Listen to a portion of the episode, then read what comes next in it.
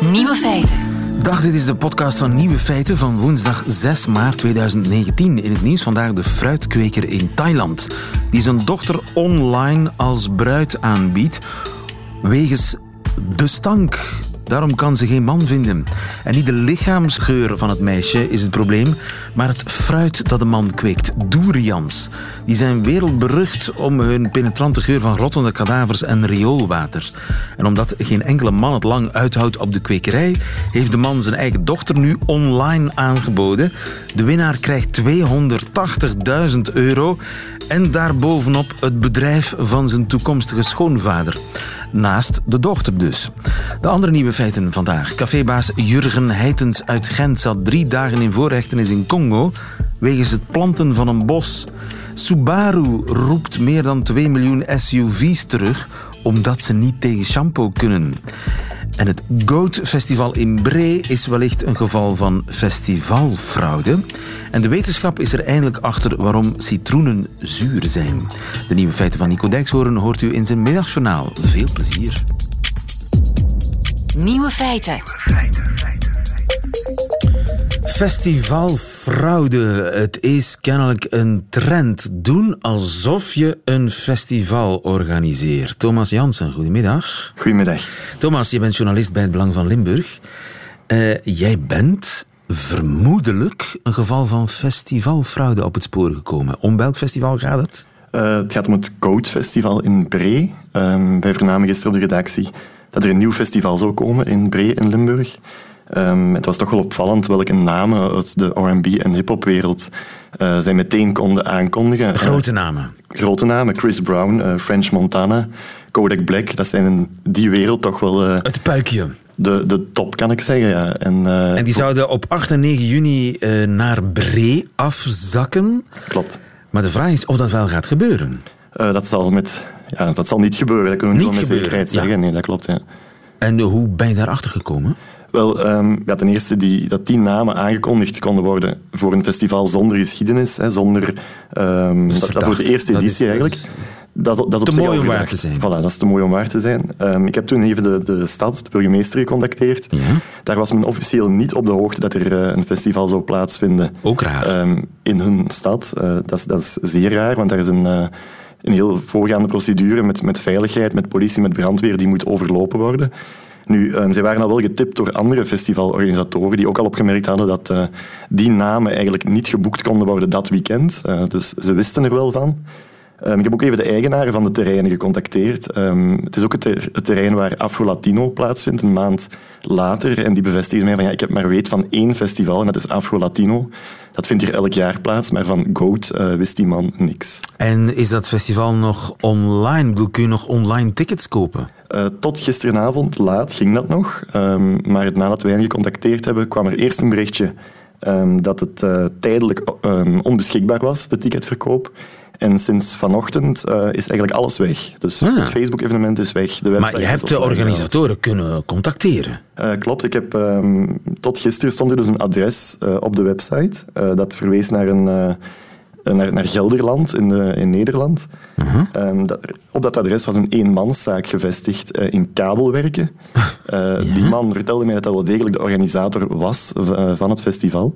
Maar um, ja, hij kon mij niet te woord staan. Hij heeft mij doorverwezen naar zijn manager. Uh, die manager bleek een designer te zijn van het festival, zo noemde hij zichzelf. En vanaf dat moment werd er eigenlijk altijd doorverwezen naar een zekere Philippe Dupont. Uh, Philippe Dupont, ik weet niet of hij echt bestaat, maar die had het gisteren heel druk, kon me niet te woord staan. Hij wou me graag uh, vandaag alle uitleg geven, maar goed, daar hebben we niet op gewacht. Ja. hij ging me ook gisteravond nog een mail sturen, maar het zal u niet verbazen uh, dat ik die mail niet ontvangen heb. Je hebt die mail niet, dus je bent eigenlijk, je hebt iets blootgelegd uh, waarvoor van harte gefeliciteerd. Nu is de vraag of dit uh, kwaad opzet is of gewoon ja, megalomanie die uit de hand gelopen is. Dat is inderdaad de vraag. Hè. Er zijn in, in, het verleden nogal wel van die gevallen geweest. Ik denk dan aan Fire Festival in, in, op de Bahamas. Ja. Dat begon ook heel, of, of veelbelovend. Um, uiteindelijk is daar, is daar niks plaatsgevonden. De, de organisator is, is ook veroordeeld tot, tot zes jaar cel. Um, wat ik wel kan zeggen is dat ze zeker geprobeerd hebben om Boef, de Nederlandse rapper, om die te boeken. Uh, maar het management had ook wel enkele vragen waar zij niet op konden antwoorden, waar de organisatoren uh, geen antwoord op konden geven. Dus die hadden ook al wel een, ja, een, een voorgevoel dat er iets niet klopte. Ja, ja.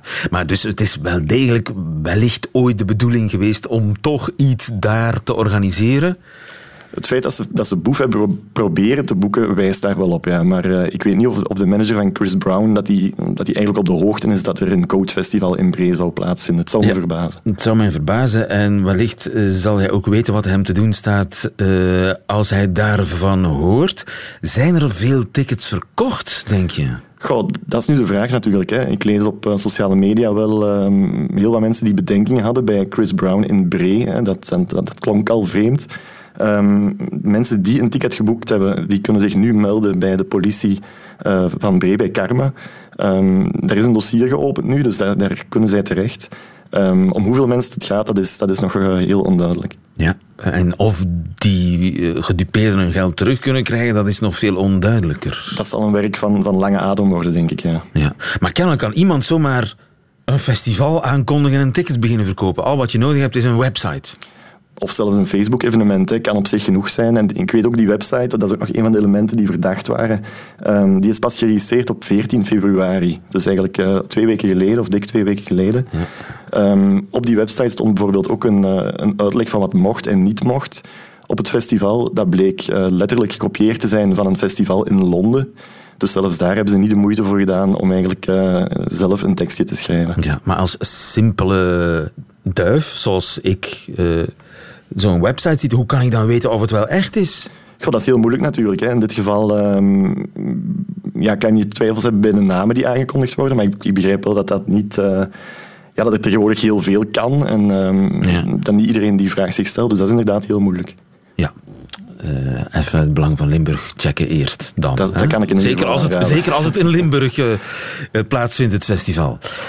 Uh, bloedstollend verhaal. Ik ben benieuwd of de politie de, de makers van het festival, de, ja, de, de fraudeurs, als we ze zo mogen noemen, zal vinden. En of de gedupeerden hun geld terugkrijgen. Dankjewel, Thomas Jansen. Prima, dankjewel.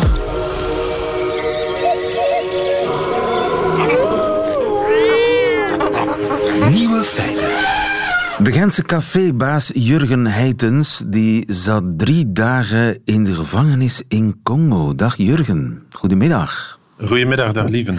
Wat doet een Gentse cafébaas in Congo? bon, ik ben een beetje meer dan cafébaas. Ik ben al zes jaar bezig met een herbebossingsproject in Congo. Dus eigenlijk mijn passie. En uh, daar zet ik al mijn middelen en energie voor in. Dus, in... dus we hebben nu 2000 hectare bos geplant in Congo. En waar is in Congo?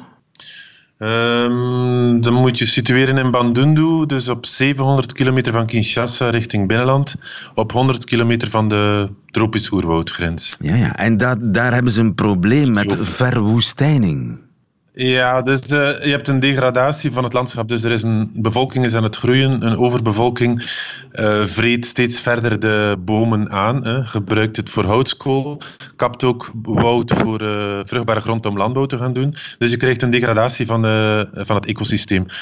En wat wij doen is terug bomen aanplanten, um, hele bossen en eigenlijk werk voor de bevolking creëren, zodat er eigenlijk uh, een andere economie kan ontstaan, ook een agroforesterie kan ontstaan, waardoor ze eigenlijk op andere bronnen inkomsten kunnen maken dan eigenlijk het landschap kaal plukken. Ja, ja, dus jij wil een duurzame landbouw combineren met herbebossing om zo een nieuwe lokale economie te creëren.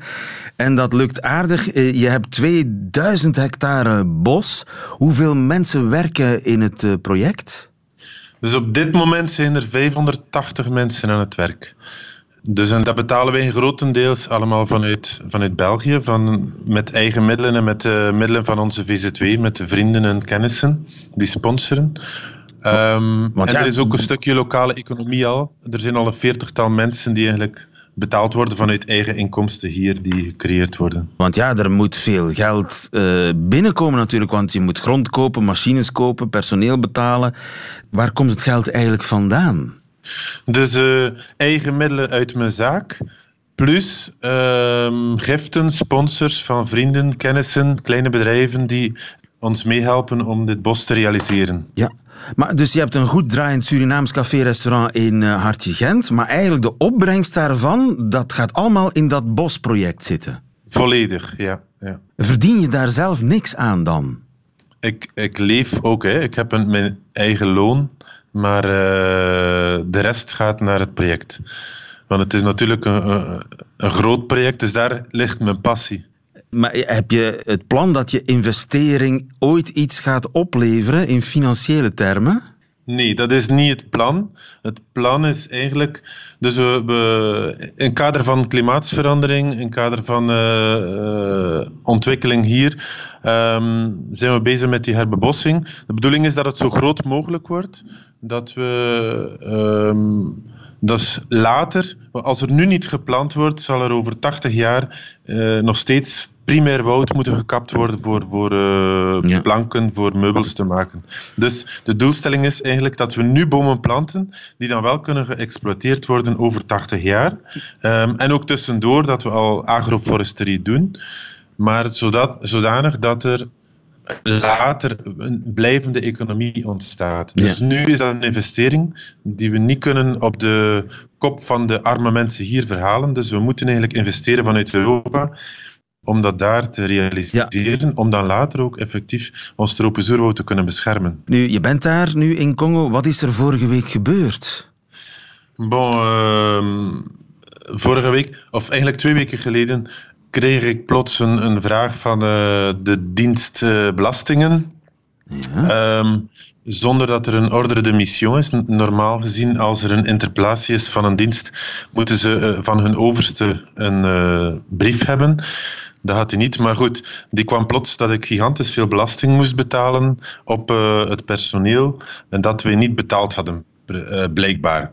Ja. Um, dat is de procureur ter oren gekomen van het parket. En uh, plots werd ik op het parket geroepen. En daar werd ik fiscale fraude verweten. En voor ik het wist, belandde ik in de gevangenis. En dus heb jij een belastingen ontdoken, Jurgen? Um, nee, dus normaal gezien in Congo is er een uh, regime van negociatie. Dus er zijn bepaalde normen die men oplegt hoeveel men moet betalen. Um, en dan wordt er genegocieerd met de Belastingdienst. Dat was al gebeurd ervoor, in, in, in december, dat was al in orde. Maar dus achteraf kwam er eigenlijk uh, uh, iemand van de belastingen nogmaals uh, met een, een, een, vraag om belasting te betalen. Hè.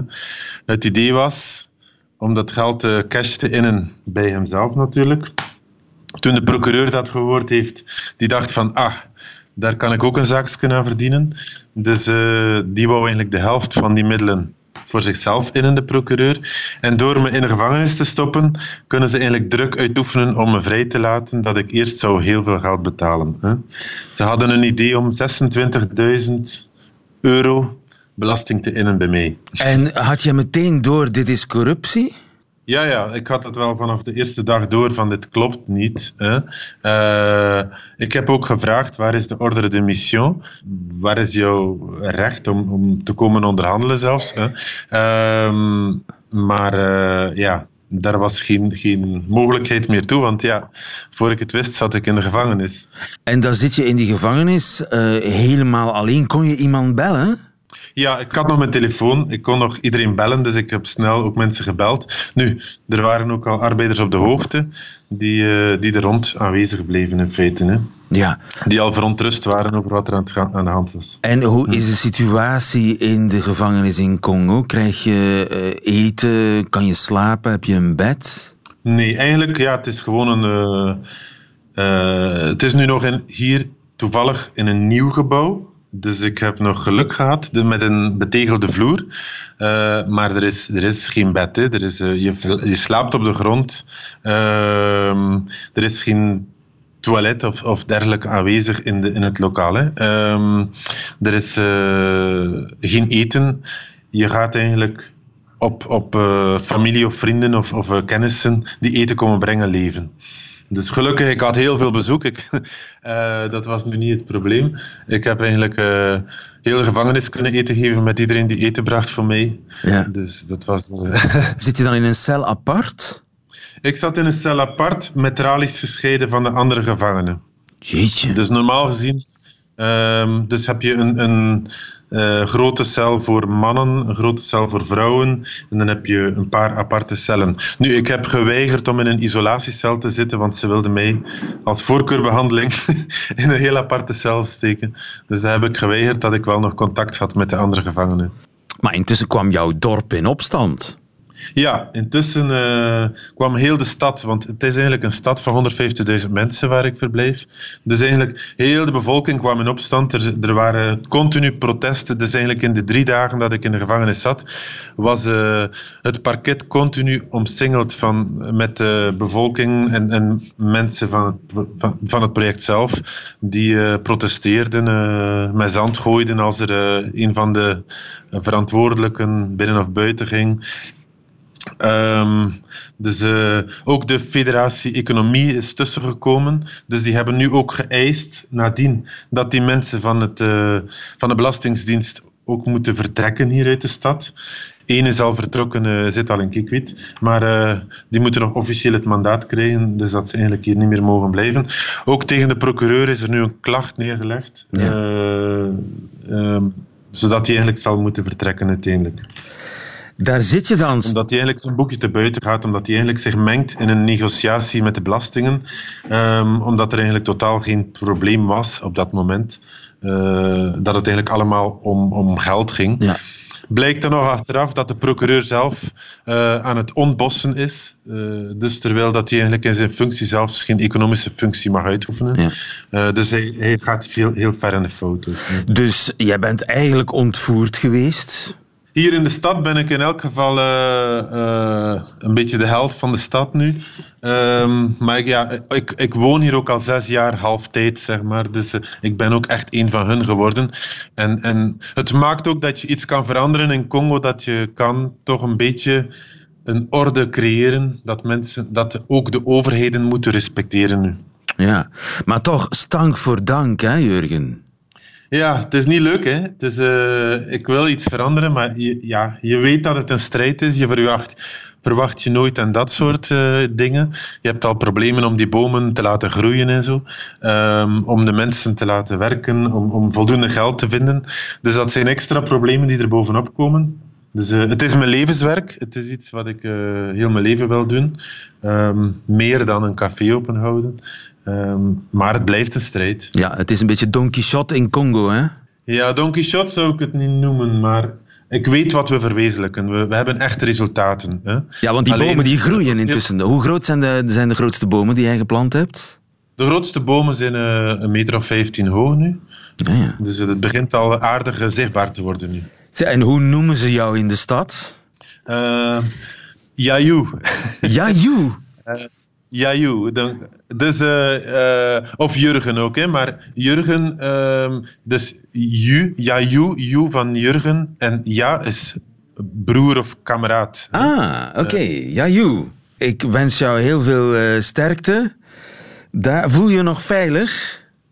Ja, ja, nu ben ik terug veilig. Dus de gouverneur, de, ben bij de gouverneur geweest ook. Die heeft mij beloofd dat ik uh, veilig uh, kan werken uh, in de kalmte. Ze hebben ook begrepen, ja, als er 580 mensen hier werken, dat ge geeft een stabiliteit aan de streek. Um, dus ze willen dat ook niet verliezen. Dat hebben ze nu wel begrepen. Mag ik je heel veel succes en sterkte wensen. Jurgen Heitens in Idiofa in Congo voor ons. Goedemiddag. Dank u wel.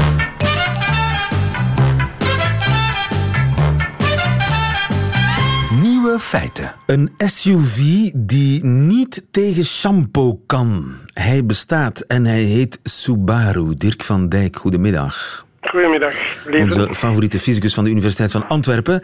Subaru roept 2,3 miljoen auto's terug, gemaakt tussen 2008 en 2017. Waaronder de Crosstrack en de Forester.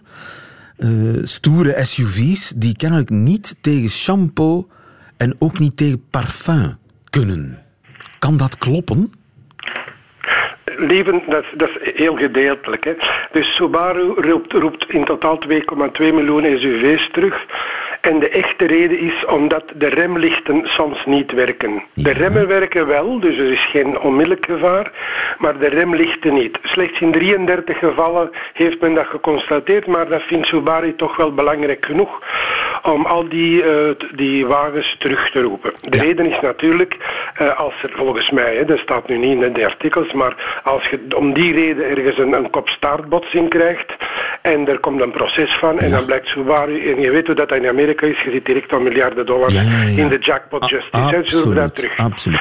Maar, is er een verband tussen shampoo en die niet werkende remlichten? Ja, ik leg eventjes uit. Uh, men is gaan zoeken hoe dat het komt. En uiteraard is een klein schakelaartje die bij de rempedaal dat aangaat wanneer je remt, zodat je remlichten ook uh, elektriciteit krijgen. En dan is gebleken dat er in dat schakelaartje, dus tussen de contacten, een heel dun laagje, uh, laten we zeggen organisch materiaal, een dunne film, zo'n beetje zoals je wanneer je haarlak zou opstuiven, waardoor het contact dan verbroken wordt en het remlicht niet werkt. dus er ligt ergens een, een film een film, een isolatielaagje, een filmpje. Ja. hoe dus komt dat laagje daar? Dat is ja, dan is het natuurlijk detectivewerk, hè, want dat laagje komt er niet door de fabrikant. Het is niet Subaru die daar een laagje heeft opgelegd. Dus dat is er nadien opgekomen door de gebruikers. En dan is de vraag, wat kan zo'n laagje veroorzaken? En dan heeft men ontdekt, uh, dat is een paar jaar geleden gepubliceerd, dat wanneer je siliconen hebt, eh, in siliconen, daar zitten ook uh, heel vluchtige componenten in. Hè? Dat zijn de siloxanen. En die zijn zo vluchtig dat ze overal doorgeraken en die, die kunnen zo'n laagje vormen. Daarom wordt dat bijvoorbeeld in de elektronica niet meer de klassieke siliconen gebruikt waar ook zo'n vluchtige component in zit, maar siliconen zonder die vluchtige component. Dus men weet dat het kan. En dus men vermoedt ook dat het door die siloxanen gebeurd is. Dan is de vraag, hoe komen die erop? Natuurlijk, eh, eh Subaru heeft geen testen kunnen doen met, met miljoenen gebruikers. Dus men, uiteraard, siloxanen, waar zitten die in? Die zitten in sommige shampoos in. Die zitten ook in haarlak in, die zitten in deo's in. Maar ja, hoe komt nu een shampoo of een deo aan die, aan die voetpedaal? Want, door de lucht? Eh, kan toch niet anders? door de lucht? Theoretisch kan dat. Hè. Dan moet al iemand hebben die enorm veel eh, die, die gebruikt. Wat ook zou kunnen is in reinigingsproducten. Daar zit het ook in. En dat vermoedt men eigenlijk nog. Dat, eh, men heeft nog meer vermoeden dat dat de dader is. Waarom? Omdat het ook gebeurt dat men bij het kuisen van de wagen ook vooral de matten reinigt en dergelijke. En dat, dat men veel dichter bij de pedaal zit. Maar men is nog niet 100% zeker. Maar het dus kan als, als gasvorming, door het feit dat je zoveel deel gespoten hebt, dat, dat je een soort gasbom wordt, waardoor de remlichten van je auto niet meer werken. Ja, maar pas op, het hoeft zelfs geen bom te zijn. Zo'n laagje legt zich maar heel langzaam neer. En het is genoeg dat je dat gedurende een jaar doet met telkens een klein beetje, ja. opdat dat laagje dicht genoeg wordt. Om dan, om, en dan nog is het maar in 33 op de miljoen auto's. Hè. Het is ook niet zoiets. Dus, en, dus het kan zijn van Deo, maar dat zou mij persoonlijk sterk verwonderen. Ja, maar zou het ook in een wonderbaum kunnen zitten, zo'n geurboom? Dat zou bijvoorbeeld zou kunnen. Dan weet ik niet dat daar, dan, dan moeten we eens nazien of dat daar siloxaan in zit, maar dan kan het. Dus al wat, wat geurige componenten heeft waar dat soort component in zit, is een risico. Maar het is wel raar dat het alleen bij Subaru voorkomt dan.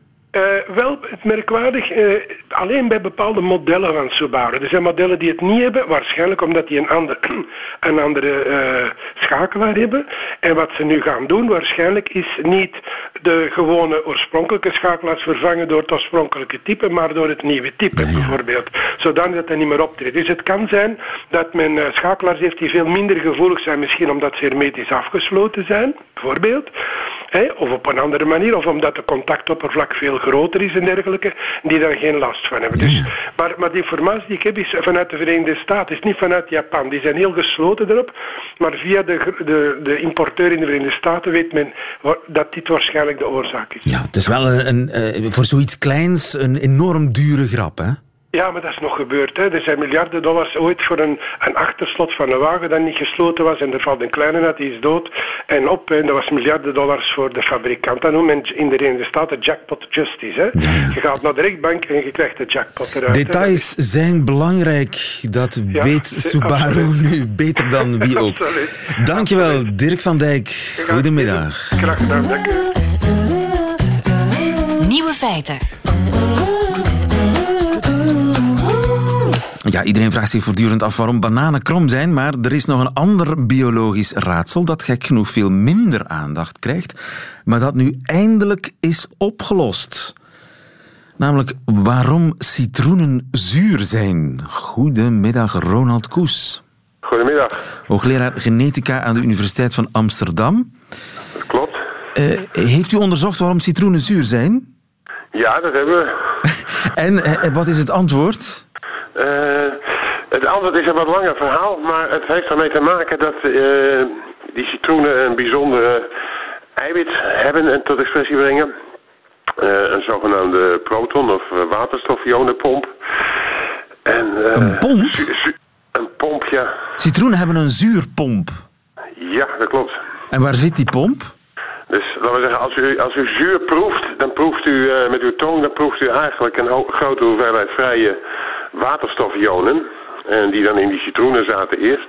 En die citroen in de cellen van de citroen zit een, een, zakje, de vacuole. En dat is de plek waar die citroen die enorme hoeveelheid waterstofionen eh, propt. En dat Ja. proppen, dat doet hij met een pomp. Die zit op, er zit een soort vlies om dat zakje heen.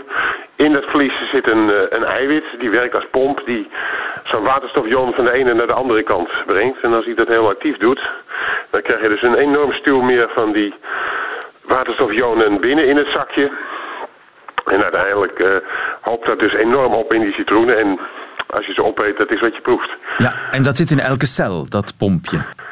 Eh, dat, zit in, dat zit in ieder geval in de cel, nou niet in elke cel van de citroenplant, maar wel in elke cel van de vrucht, het vruchtvlees. Ja. En zijn alle citroenen even zuur?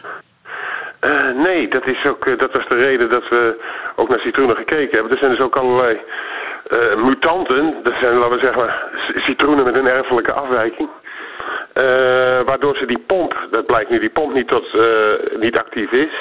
En die proeven wij dan als, eh, als zoet. En die zijn ook op de markt. Dus, Zoete citroenen? ja, die, in, Europa kennen we die niet erg, maar in Amerika is dat wel op de markt. Maar hetzelfde geldt ook voor sinaasappels. We kennen allemaal de, de zoete sinaasappels die we dagelijks eten. Er zijn ook zure, die eten we niet. Die hangen hoogstens als sierplantje. Oké. staan ze in een tuin, maar die zijn echt oneetbaar. En Dus dus het is een kwestie van genen. Het zuur zit in de genen van de citroenen. nee, het zuur, wacht eventjes. Het zuur zit in dat zak. eh, Ja, ja maar, maar, maar het is, eh, je kunt door een genetische manipulatie citroenen zoet maken. Dus de, de sleutel zit in de genen, dat bedoel ik eigenlijk. Eh, maar eh, is er ook een verklaring waarom citroenen meestal zuur zijn? Heeft dat een bepaald genetisch Darwinistisch voordeel? Eh, nou, dat, dat is een gewetensvraag. Die we, we weten nu wel hoe het komt. Waarom ze het doen is nog een, eh, een heel verhaal eh, apart. Het eerste is, eh, laten we zeggen, dat stuwmeer van die, van die waterstofionen in zo'n vacuole... Dat, wat dan zo extreem is in die, in die citroenen, maar alle cellen doen in, in mindere mate, is ook een vorm van energie voor die cel. Het werkt als een soort batterij waarmee die allerlei transportprocessen kan bepalen. Dat is één. Twee, waarom, dan de vraag waarom moet dat nou zo ontzettend zuur in een citroen? En dan blijf ik eerlijk gezegd het antwoord schuldig. Daar kunnen we naar raden. Er zijn mensen die zeggen, ja, als die citroen onrijp is, is het niet de bedoeling dat beesten dat ding al eten. Dus Ja, dan is die zure smaak afschrikwekkend. Maar dat, is, dat zijn zomaar wat wilde gedachten. Niemand die het, die het echt weet. Niemand die het echt weet en zo. Nee, nee, nee. eh, als je de ene deur open doet, gaat er een andere deur weer dicht. Hè? Dus Het ene, de, de oplossing van het ene biologische raadsel brengt een nieuw biologisch raadsel met zich mee. Dat is het geheim van wetenschap. Dat is de wetenschap. Dankjewel, Ronald Koes. Goedemiddag. Alsjeblieft. Radio 1. Altijd benieuwd. Waarmee u alle nieuwe feiten heeft gehad van deze 6 maart 2019. Behalve die natuurlijk in het leven van Nico Dijkshoorn. Nieuwe feiten. Middagjournaal. Beste luisteraars, ik heb het hier met u al heel lang niet over dieren gehad. En ik ben juist dol op dieren, want het zijn geen mensen. En dat scheelt. Je hoeft bij een dier niet bang te zijn dat hij naast je gaat zitten in de bus en dat hij vertelt over zijn vakantie naar Indonesië. Een dier zal nooit zeggen bijvoorbeeld: Het is daar zo goedkoop, je eet er bijna gratis. Dieren eten altijd gratis. Dus die zijn daar helemaal niet mee bezig. Schapen bijvoorbeeld, die lopen een jaar of 6000 op ons vooruit. We gaan nu heel voorzichtig wat minder vlees eten. En dan maken we vleesvervangers die precies op echt vlees lijken. Dat vinden wij blijkbaar heel erg belangrijk.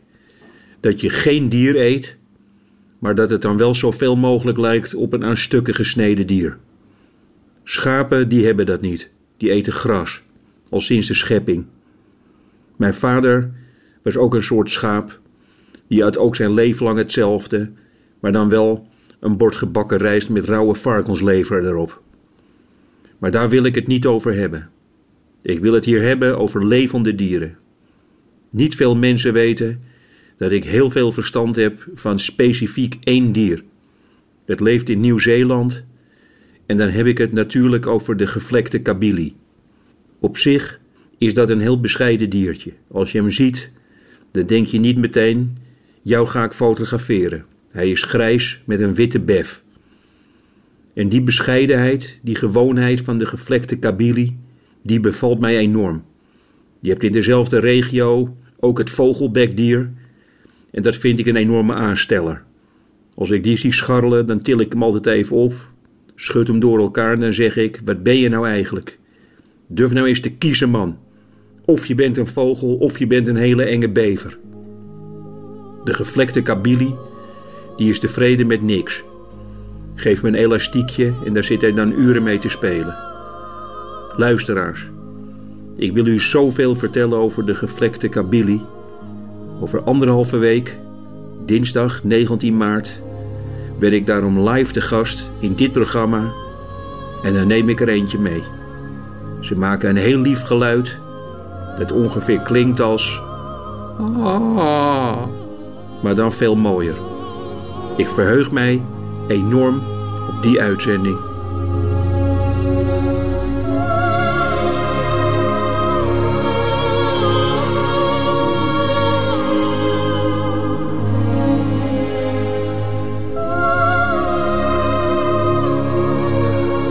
Nico Dijkshoorn in het middagjournaal van Nieuwe Feiten van 6 maart 2019. Einde van deze podcast. Maar u vindt er nog veel meer op radio1.be en op de gebruikelijke podcastkanalen. Tot volgende keer.